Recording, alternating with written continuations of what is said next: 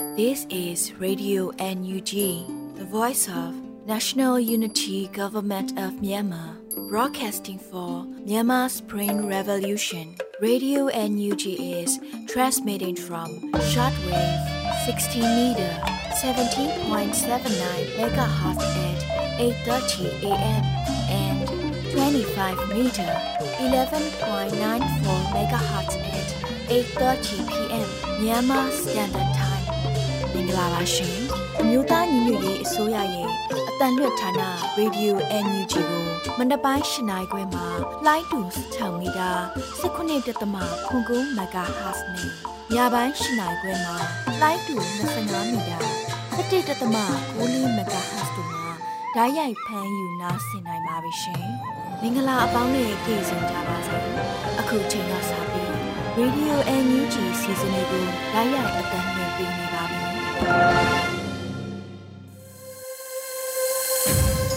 မြန်မာနိုင်ငံသူနိုင်ငံသားအပေါင်းတဘာဝပြီးဆီဟာနာရှင်တို့ကနေကင်းဝေးပြီးကိုစိတ်နှစ်ပါးဘေးကင်းလုံခြုံကြပါစေလို့ရေဒီယိုအန်ယူဂျီဖွယ်သားများကဆုတောင်းမြတ်တာပို့သလာရပါတယ်ရှင်။ခုချိန်ကစပြီးကာကွယ်ရေးဝန်ကြီးဌာနရဲ့စီရေးသတင်းချင်းချုပ်ကိုတော့မျိုးဦးမှုမှဖတ်ကြားတင်ပြပေးပါမယ်ရှင်။မင်္ဂလာပါခင်ဗျာ။ အမျိုးသားညီညွတ်ရေးအစိုးရကာကွယ်ရေးဝန်ကြီးဌာနမှထုတ်ဝေသောနိုင်စဉ်စီရေးသတင်းအကျဉ်းချုပ်များကိုတင်ပြသွားပါမယ်ပထမဆုံးသတင်းအနေနဲ့စစ်ကောင်စီနဲ့တိုက်ပွဲဖြစ်ပွားမှုများကိုတင်ပြသွားပါမယ်။ကရင်ပြည်နယ်တွင်မေလ19ရက်နေ့ကရင်ပြည်နယ်မြဝတီမြို့နယ်မြဝတီမြို့တောင်ဘက်ရှိသေဘော်ဘူစခန်းကို KNLA နဲ့ KNDO ပူးပေါင်းတပ်ဖွဲ့များ ဝင်ရောက်တိုက်ခတ်ခဲ့သည့်တိုက်ပွဲအပြီးနေရာများရှင်းလင်းစဉ်စစ်ကောင်စီ၏ခလာရ3နှစ်ဒုတက်ရင်မူတပ်ဦးအပါဝင်တပ်သားအများပြားသေဆုံးသွားခဲ့ပါတယ်ခင်ဗျာ။စကိုင်းတိုင်းတွင် မေလ20ရက်နေ့စကိုင်းတိုင်းခင်ဦးမြို့နယ်မကြီးတုံကျေးရွာမှထွက်လာသောစစ်ကောင်စီကားကြီး3စီးအားမကြီးတုံကျေးရွာလမ်းဆုံ၌တောင်ပိုင်းငှက်ကြီးတောင်အဖွဲ့မှမိုင်းဆွဲတိုက်ခိုက်ခဲ့သည်။တနင်္သာရီတိုင်းတွင် မေလ19ရက်နေ့တနင်္သာရီတိုင်းတနင်္သာရီမြို့နယ်တကူရွာသို့စစ်ကြောင်းထိုးလာသည့်စစ်ကောင်စီတပ်နှင့်ဗတ်မလိုက်ပျောက်ကြားအဖွဲ့တို့မိနစ်30ခန့်တိုက်ပွဲဖြစ်ပွားခဲ့၍စစ်ကောင်စီတပ်မှ၄ဦးခန့်ထိခိုက်ဒဏ်ရာရပြီးဗတ်မလိုက်ပျောက်ကြားအဖွဲ့မှထိခိုက်ဒဏ်ရာရသူမရှိခဲ့ကြောင်းသိရပါတယ်ခင်ဗျာထို့နောက်စစ်ကောင်စီတပ်သားများသည်တကူတိုက်နယ်ရှိကျေးရွာများနှင့်အနီးတစ်ဝိုက်ရွာများဖြစ်သည့်အင်းရှေကုန်းပြည်အေတန်တိုက်လမိုင်းကော့အလဲပိုင်း တာရပွင်ကျေးရွာများသို့လက်နက်ကြီးများဖြင့်ရန်တမ်းပစ်ခတ်မှုကြောင့်ဒေသခံ2000ကျော်ထွက်ပြေးတိမ်းရှောင်နေရကြောင်းသိရပါတယ်ခင်ဗျာမေလ19ရက်နေ့နေ့လယ်ပိုင်း၌တနင်္သာရီတိုင်းတနင်္သာရီမြို့နယ်တိတ်နောအုပ်စုအနီးရွှေဒူး၌စစ်ကောင်စီ၏ခလရတက်တုံညတစ်နှင့်ဒေသခံကာကွယ်ရေးအဖွဲ့တို့တိုက်ပွဲဖြစ်ပွားခဲ့ရာခလရတက်တုံညတစ်မှစစ်ကောင်စီတပ်သားများသည် KNLA တပ်သားဟောင်းဖြစ်သူ ကရင်ရွာသားကိုခေါင်းဖြတ်တတ်သွားခဲ့ကြောင်းနဲ့ကိုးမိုင်တောင်အနီး၌ဆက်လက်တိုက်ပွဲဖြစ်ပွား၍စစ်ကောင်စီမှလက်နက်ကြီးများဖြင့်ပစ်ခတ်နေကြောင်းသိရပါတယ်ခင်ဗျာမေလ15ရက်နေ့တနင်္သာရီတိုင်းဒဝယ်မြို့နယ်ဒဝယ်ထီခီလမ်းပိုင်းဘဲမတက်တောင်တနေရာ၌စစ်ကြောင်းထိုးလာသည့်စစ်ကောင်စီအင်အား220ခန့်ပါသည့်စစ်ကြောင်းကိုဒဝယ်ပကဖမှမိုင်းဆွဲတိုက်ခတ်ရာ ပောက်ကွဲမှုမရှိသဖြင့်အသင့်ပြင်ဆင်ထားသည့် RPG နှင့်ထပ်မံပစ်ခတ်တိုက်ခိုက်ခဲ့ရာအရာရှိတဦးအပါအဝင်20ဦးထပ်မံသေဆုံးခဲ့၍ဒဏ်ရာရသူများလည်းရှိကြောင်းသိရပါတယ်ခင်ဗျာမန္တလေးတိုင်းတွင် မေလ20ရက်နေ့မန္တလေးတိုင်းစင့်ကူးမြို့နယ်မန္တလေးမိုးကုတ်လမ်းပေါ်တောင်ဘက်ရှိရွှေပြည်ရဲကင်းစခန်းတွင်စင့်ကူးမတရားတပိတ်ချင်းပကပအဖွဲ့များပူးပေါင်း၍တိုက်ခိုက်ခဲ့ရာတိုက်ပွဲကြာမြင့်ချိန် တနအီခန့်ကြာမြင့်ခဲ့ပြီးရဲကင်းအားအဝေးမှပစ်ခဲ့ရာဘန်ကာများတိစောက်ထားသောကြောင့်စစ်ကောင်စီများထိခိုက်မှုမရှိခဲ့ကြောင်းသိရပါတယ်ခင်ဗျာဆက်လက်ပြီးစစ်ကောင်စီ၏အကြမ်းဖက်မှုများကို တင်ပြသွားပါမယ်။စကိုင်းတိုင်းတွင် မေလ20ရက်နေ့စကိုင်းတိုင်းကလေးမြို့နယ်အင်းကျော်ကျေးရွာသို့ MI35 လေးစီးပြန်ဝဲလာပြီး၎င်းကျေးရွာအနီးသို့ရဟတ်ရင်ဖြင့်ပြစ်ခတ်ခဲ့ပြီးကြည်ကုန်းကျေးရွာရေနံမော်ဘတ်မှ စစ်ကောင်စီတပ်သားတရာခန့်ဝင်ရောက်ခဲ့က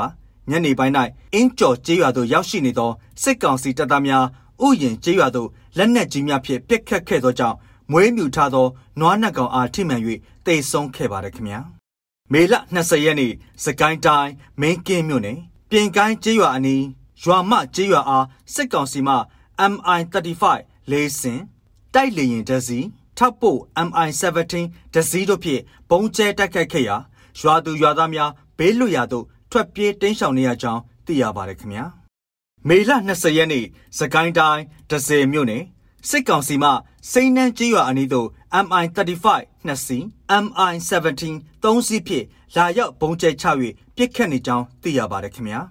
မေလ20ရက်နေ့စကိုင်းတိုင်းရေဦးမြို့နယ်ရေဦးမြို့မှစစ်ကောင်စီတပ်သားများသည်ဖန်ခါစင်ကျေးရွာ ချောင်းရိုးကျေးရွာစိန်စာကျေးရွာများသို့ဝင်ရောက်ခဲ့ပြီးနေအိမ်များအားမီးရှို့ဖျက်ဆီးခဲ့ခြင်းတို့ကြောင့်၎င်းကျေးရွာများတရွာလုံးနီးပါးမီးလောင်သွားခဲ့ကမီးရှို့ခဲ့ပြီးနောက်ခပောင်းကြိုင်ကျေးရွာစာတင်ကျောင်းတွင်တက်ဆွဲထားပြီးအင်းတိုင်းကျေးရွာဘက်သို့လက်နက်ကြီးများဖြင့်ပစ်ခတ်နေကြောင်းသိရပါတယ်ခင်ဗျာ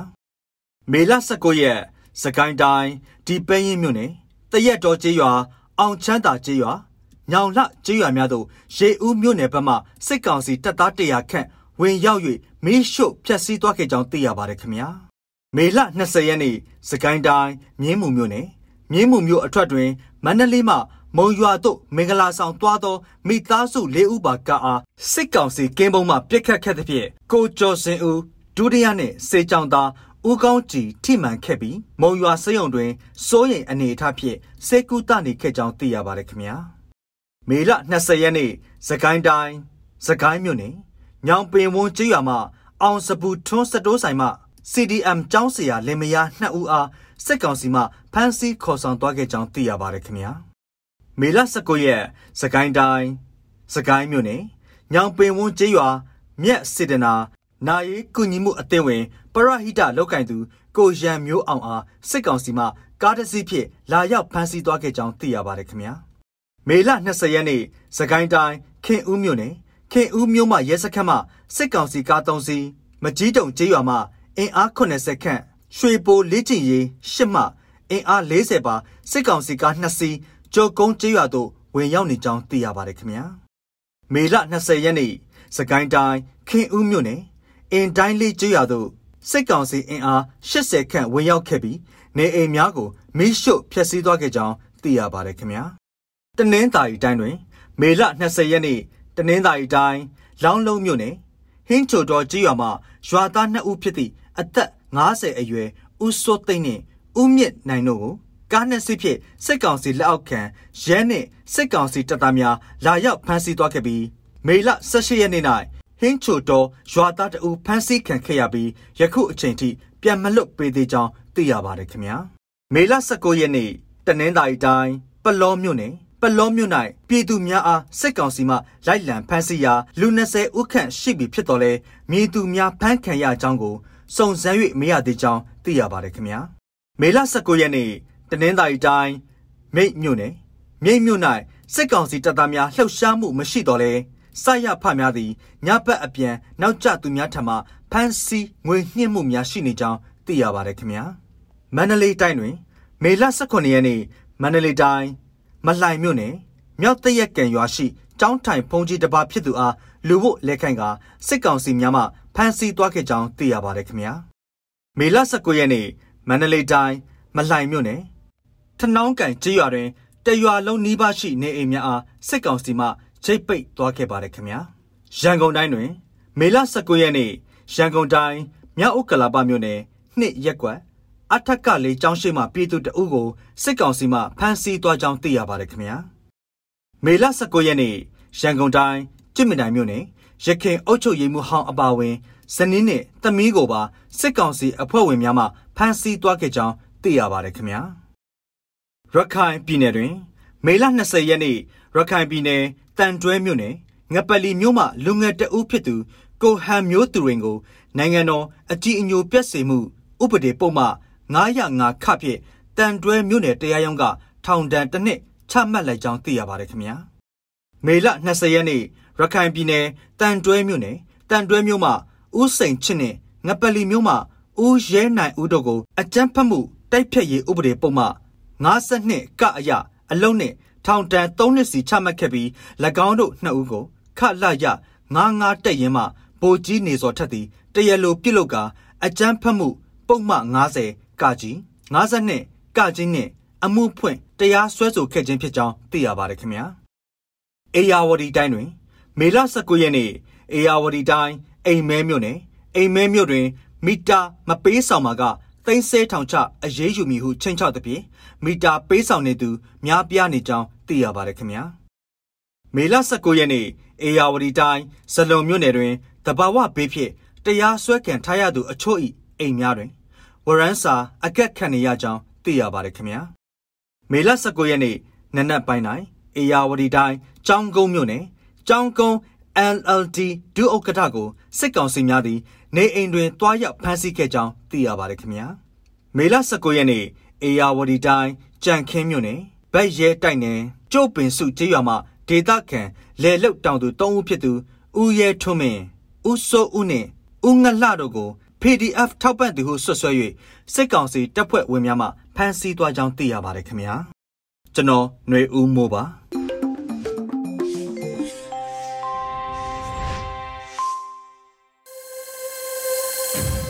ရေဒီယိုအန်ယူဂျီမှာဆက်လက်တမ်းလွှင့်ပေးနေပါတယ်။အခုဆက်လက်ပြီးနောက်ဆုံးရသတင်းများကိုရွေဦးမောင်မှဖတ်ကြားတင်ပြပေးပါရမရှင်။ယခုတင်ဆက်ပေးမှာကတော့ Radio NUG မနက်ခင်းသတင်းများပဲဖြစ်ပါတယ်။ ကျွန်တော်ကတော့ຫນွေဦးမောင်ပါခင်ဗျာ။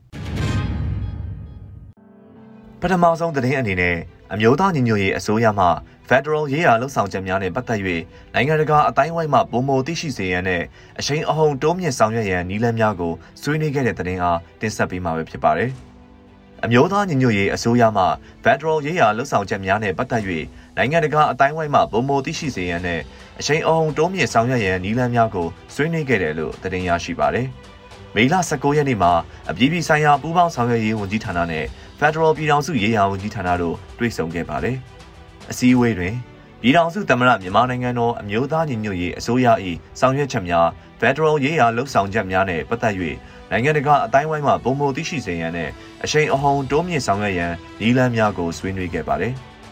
ဝန်ကြီးဌာနနှစ်ခုအကြားရေရှည်တွင်ထိရောက်မှုရှိစွာဆက်သွယ်ဆောင်ရွက်နိုင်ရန်အတွက်လမ်းကြောင်းများကိုလည်းဆွေးနွေးခဲ့ကြပြီးအစည်းအဝေးကိုအောင်မြင်စွာကျင်းပနိုင်ခဲ့ပါတယ်။အစည်းအဝေးကိုပြည်အောင်စုဝန်ကြီးဒေါက်တာဆာဆာနဲ့ဒေါက်တာလျံမုံစာခေါင်တို့တက်ရောက်ခဲ့ကြပါတယ်ခင်ဗျာ။ ဆက်လက်ပြီးစကိုင်းနဲ့မကွေးတိုင်းဒေသကြီးများကိုရည်ရွယ်ချက်ရှိရှိစစ်တပ်ဟာတိုက်ခိုက်လျက်ရှိတယ်လို့ကုလသမဂ္ဂလုံခြုံရေးကောင်စီတကားဖွင့်အစည်းအဝေးတွင်မြန်မာတန်အမတ်ကြီးဦးချုံမွန်းထွန်းကပြောကြားခဲ့တဲ့သတင်းကိုတင်ဆက်ပေးပါမယ်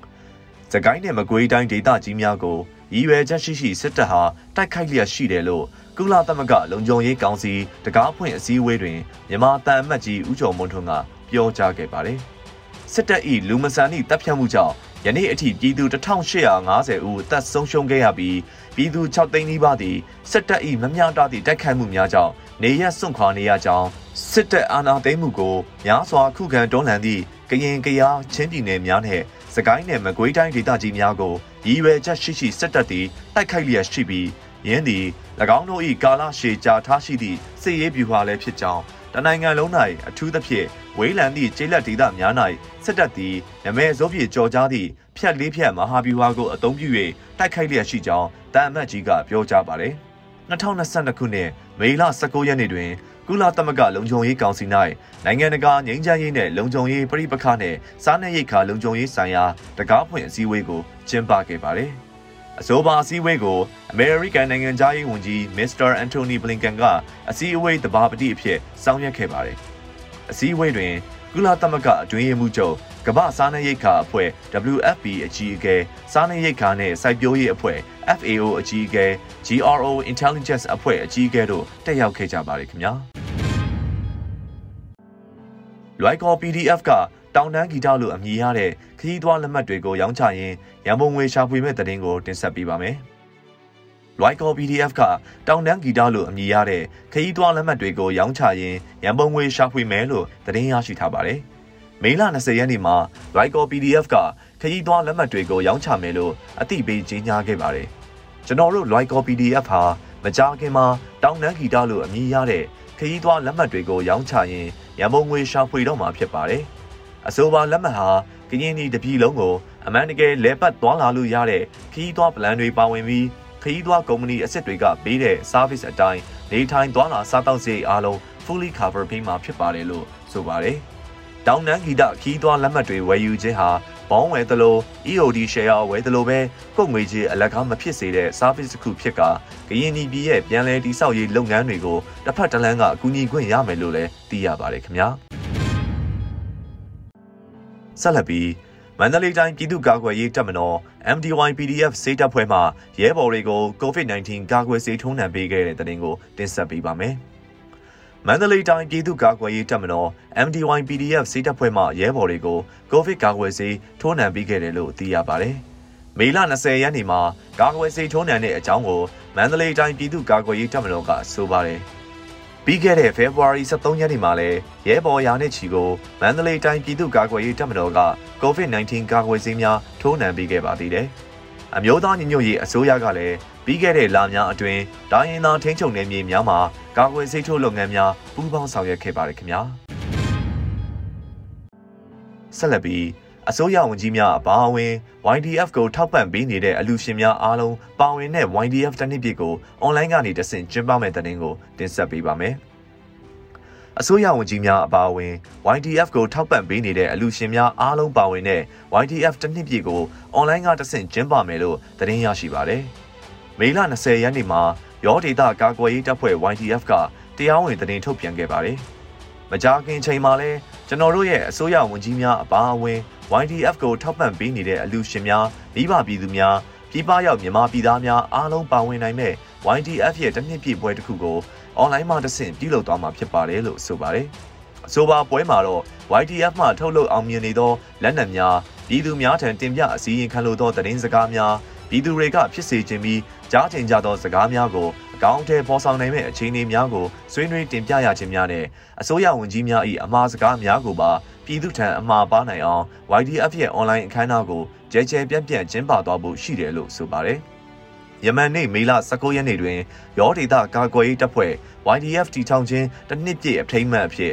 ရောဒေတာ၏တနေရာတွင် YDF ရဲဘော်များမှစစ်ရေးပြသခြင်းတချို့ပြုလုပ်ခဲ့ပါတယ်။ကံကောကျော်ထီလင်းကြောက်ထုစောစတဲ့မြို့နယ်၅မြို့နယ်မှာအခြေစိုက်တီထောင်ခဲ့တဲ့ YDF ရဲ့တပ်တန်းဟာယခုဆိုရင်တစ်နှစ်တိတိပြည့်မြောက်ခဲ့ပြီဖြစ်ပါတယ်။ ယခုတင်ဆက်ပေးခဲ့တဲ့သတင်းများကို Radio NUG သတင်းတောက်မင်းမင်းမှပေးပို့ထားတာဖြစ်ပါတယ်ခင်ဗျာ။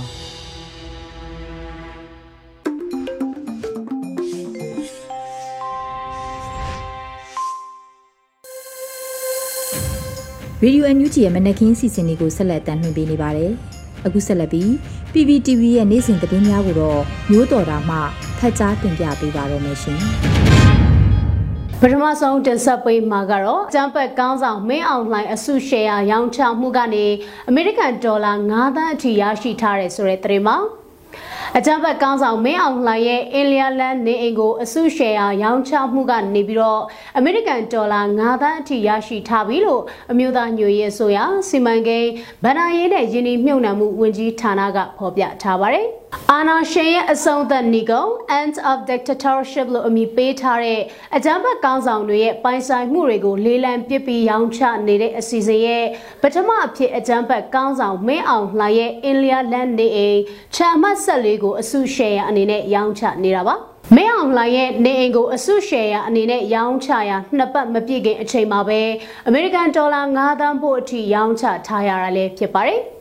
ရောင်းချမယ့်အစုရှယ်ယာကအမေရိကန်ဒေါ်လာ30သန်းသတ်မှတ်ထားတဲ့အတွက်လက်ရှိအချိန်မှာ90ရာခိုင်နှုန်းအထိရောင်းချခဲ့ပြီးပြီလို့ဆိုရမှာပါ။ဝန်ကြီးဌာနကတော့ဒေါ်လှန်ရေးအတွက်အထောက်ပံ့များစွာဖြစ်စေမဲ့ share များကိုဝယ်ယူခဲ့ကြတဲ့ပြည်သူများအခက်အခဲများစွာကြားမှဝယ်ယူသူများအတွက်အကောင်းဆုံးဝန်ဆောင်မှုပေးပြီးဒေါ်လှန်ရေးအတွက်ဗဏ္ဍာငွေရှာဖွေရေးမှာစွမ်းစွမ်းတမန်ပါဝင်ပေးနေတဲ့ EOD share ကိုယ်စားလှယ်များနဲ့ EOD လုပ်ငန်းစဉ်များကောင်းမွန်စွာလေပတ်နိုင်ရန်ဝိုင်းဝန်းဆောင်ရွက်ပေးနေတဲ့အသိပညာရှင်အတတ်ပညာရှင် EOD အဖွဲ့သားများအားလုံးကိုလေးစားစွာဥညွတ်လိုက်ရပါတယ်လို့ဖော်ပြထားပါတယ်။မင်းအောင်လှိုင်ရဲ့နေအိမ်ကိုဝယ်ယူသူတွေထဲမှာ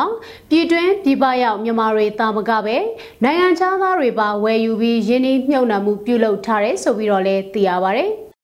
အခုတင်ဆက်ပေးမှာကတော့အမျိုးသားညွရေးအစိုးရရဲ့နယ်မြေစိုးမိုးမှုမဟာဗျူဟာအတွက် one day challenge ကအမေရိကန်ဒေါ်လာ3000ဘိုးကြီးစံတွေဝယ်ယူထောက်ပံ့ပေးလိုက်တယ်ဆိုတဲ့သတင်းပါ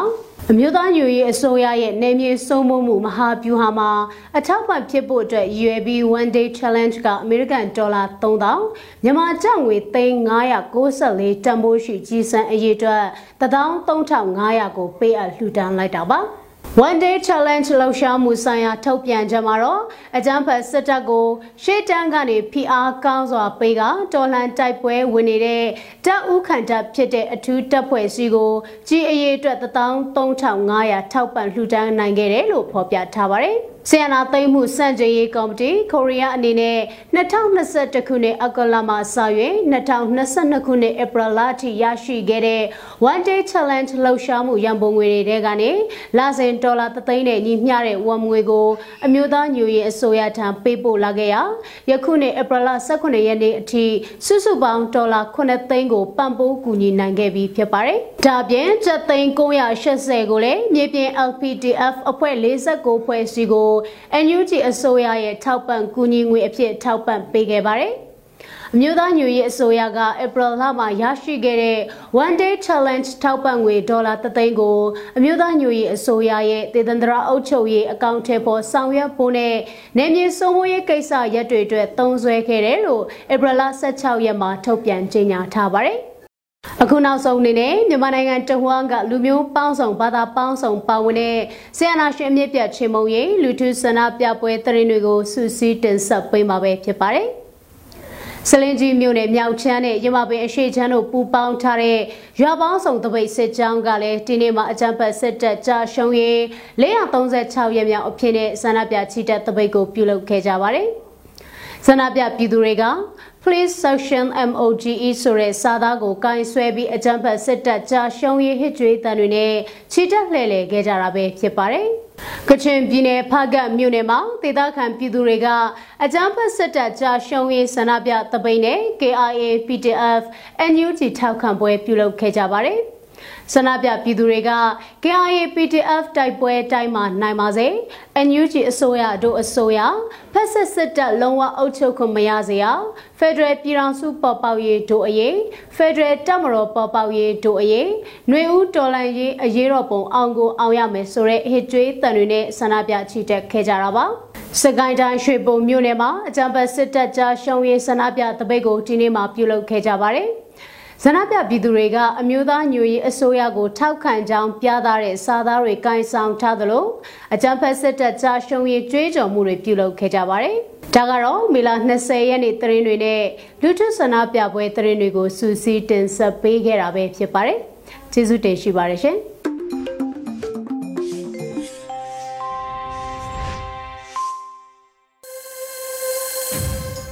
ဗီဒီယိုအန်ယူဂျီမှာဆက်လက်တင်ပြနေပါတယ်။ အခုဆက်လက်ပြီးတိုင်းရင်းသားဘာသာစကားဖြင့်သတင်းထုတ်လွှင့်မှုအစီအစဉ်အနေနဲ့ချိုးချင်းဘာသာစကားခွဲတစ်ခုဖြစ်တဲ့ဒိုင်းဘာသာစကားဖြင့်သတင်းထုတ်လွှင့်မှုကိုနားဆင်ကြရမှာဖြစ်ပါတယ်။ဒီစီစဉ်ကို Radio NUG နဲ့ချိုးချင်းဘာသာစကားသတင်းထုတ်လွှင့်မှုခွဲတို့ကပူးပေါင်းတင်ဆက်ထားတာဖြစ်ပါတယ်ရှင်။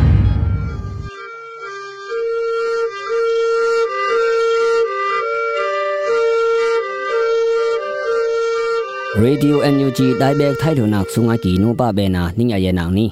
tungai khokum thong tu num ku yang hi no kham ku ya mat lom hu khun su ma tung hu ya ka thang ye sun ke dai so thai no ka ning yam the lok khaya ka ki aksu ka som lu polik sa khanung ka poling hi sun sen hen sak yan ya se pui lu CTM mi ki hoi tia thang ang hina ka se sapu khut ku bi lo wai ti lu CTF complaint no yam so ki tia thang อักทุ มนากาเอ็นยูจีบอยนออักเกคาตะลามชานักสุนลุนเฮฮลิมหางตุนอีลอกกีเตียทังอักพุนากาเอ็นยูจีบอยยาลึกครุงบอยมนิลูทุนักบิกิหอยเตียทังอัมฮานากาปาเปียพุท่านาลูฟุตบีไว้ติลูอเมริกันอาเซียนนอยุมมาลูชุมคากีเตียทังเอเนี่ยงไงขยกากีมากุยเฮซ้อมลุโปลิกสักขนุงกา poling hi sun no kha khaliam no pung sen heng sak yan akuma ya se lu ctm bik hoya ka ki ti lu son he pakhok um no tu kha halik khum no bung thang ak pra hwa ka kini asuna polik hoi no sen hen hi yan tong phang hi mpung lung hi bi ania se puya ka ki som lu ne a CTM biloki poliya se sa sun khon he up ya LDF no ya do ulu sungwi bi ya get ulu lunna khoda ania tha ka ki se sa pu a boy khut ko bi lo wai ti lu CTF kampelen no tu akha khom thup halim hang thang ani pra hwa ka kini CGTC no bi khokum thong hi kunum kuyamat mkhui sa kha am hnup thum hnu pung ahun khokum thong hi kunum kuyang hi phekha haling him hnu pung ahun ang don ang hi we thang pra ulu kampelen no bi khokum thong hi kunum kuyamat king kha halik khukung se sa pu a a iya kungmani khut bi ko bi lo wa ya yam so ke ka ki tu uma ka tum lu a se sa pu a boy khut ani bi lo po pen hung ya ka phu lung ko ye ka ya ka ki ka tui lu ma e sun ni kham yu da kung pui ulu se sa pu am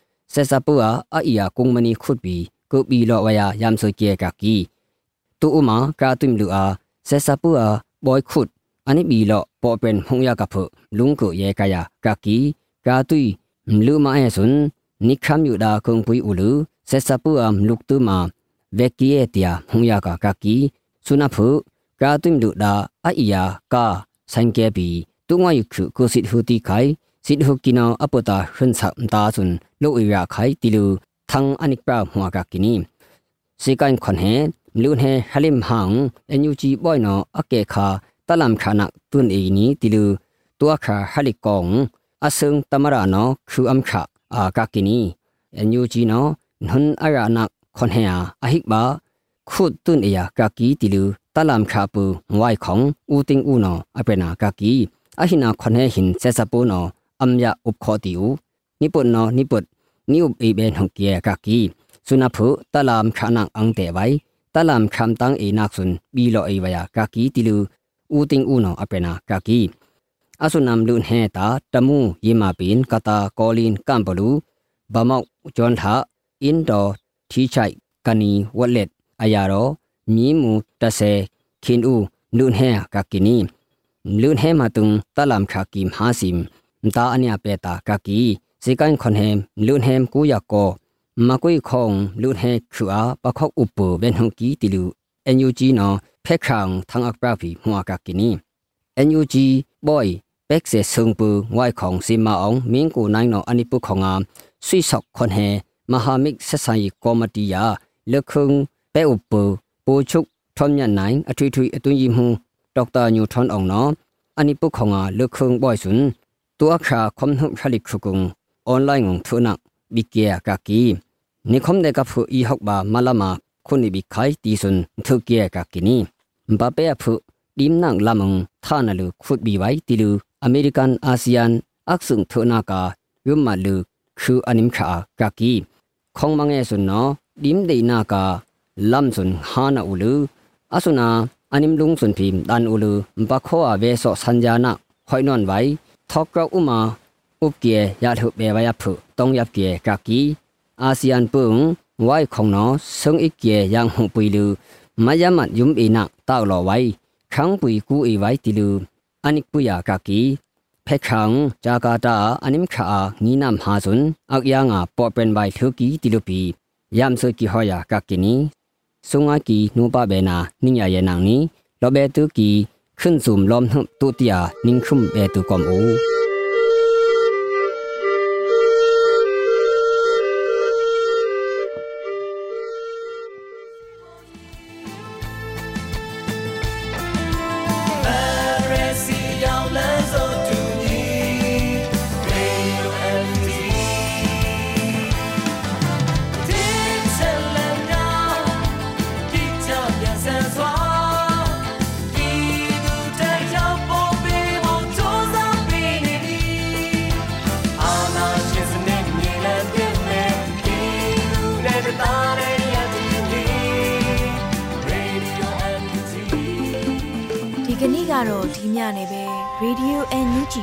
ရဲ့အစီအစဉ်လေးကိုခေတ္တရ延လိုက်ပါမယ်ရှင်မြန်မာစံတော်ချိန်မနေ့၈နိုင်ခွဲနဲ့ည၈နိုင်ခွဲအချိန်တွေမှာပြောင်းလဲဆိုပြကြပါလို့ရှင် Radio NUG ကိုမနေ့ပိုင်း၈နိုင်ခွဲမှာလိုင်းတူ16မီတာ19.7ခုခုမဂါဟတ်နဲ့ညပိုင်း၈နိုင်ခွဲမှာလိုင်းတူ25မီတာ17.6မဂါဟတ်တို့မှာဓာတ်ရိုက်ဖမ်းယူနာဆင်နိုင်ပါပြီရှင်။ မြန်မာနိုင်ငံသူနိုင်ငံသားများကိုစိတ်နှဖျားစမ်းမချမ်းသာလို့ဘေးကင်းလုံခြုံကြပါစေလို့ Radio NUG ရဲ့ဖွဲ့သူဖွဲ့သားများကဆုတောင်းလိုက်ရပါတယ်။ San Francisco Bay Area အခြေဆိုင်မြန်မာမိသားစုများနိုင်ငံတကာကစေတနာရှင်များလို့အားပေးကြတဲ့ Radio NUG ဖြစ်ပါတယ်ရှင်။အရေးတော်ပုံအောင်ရမည်။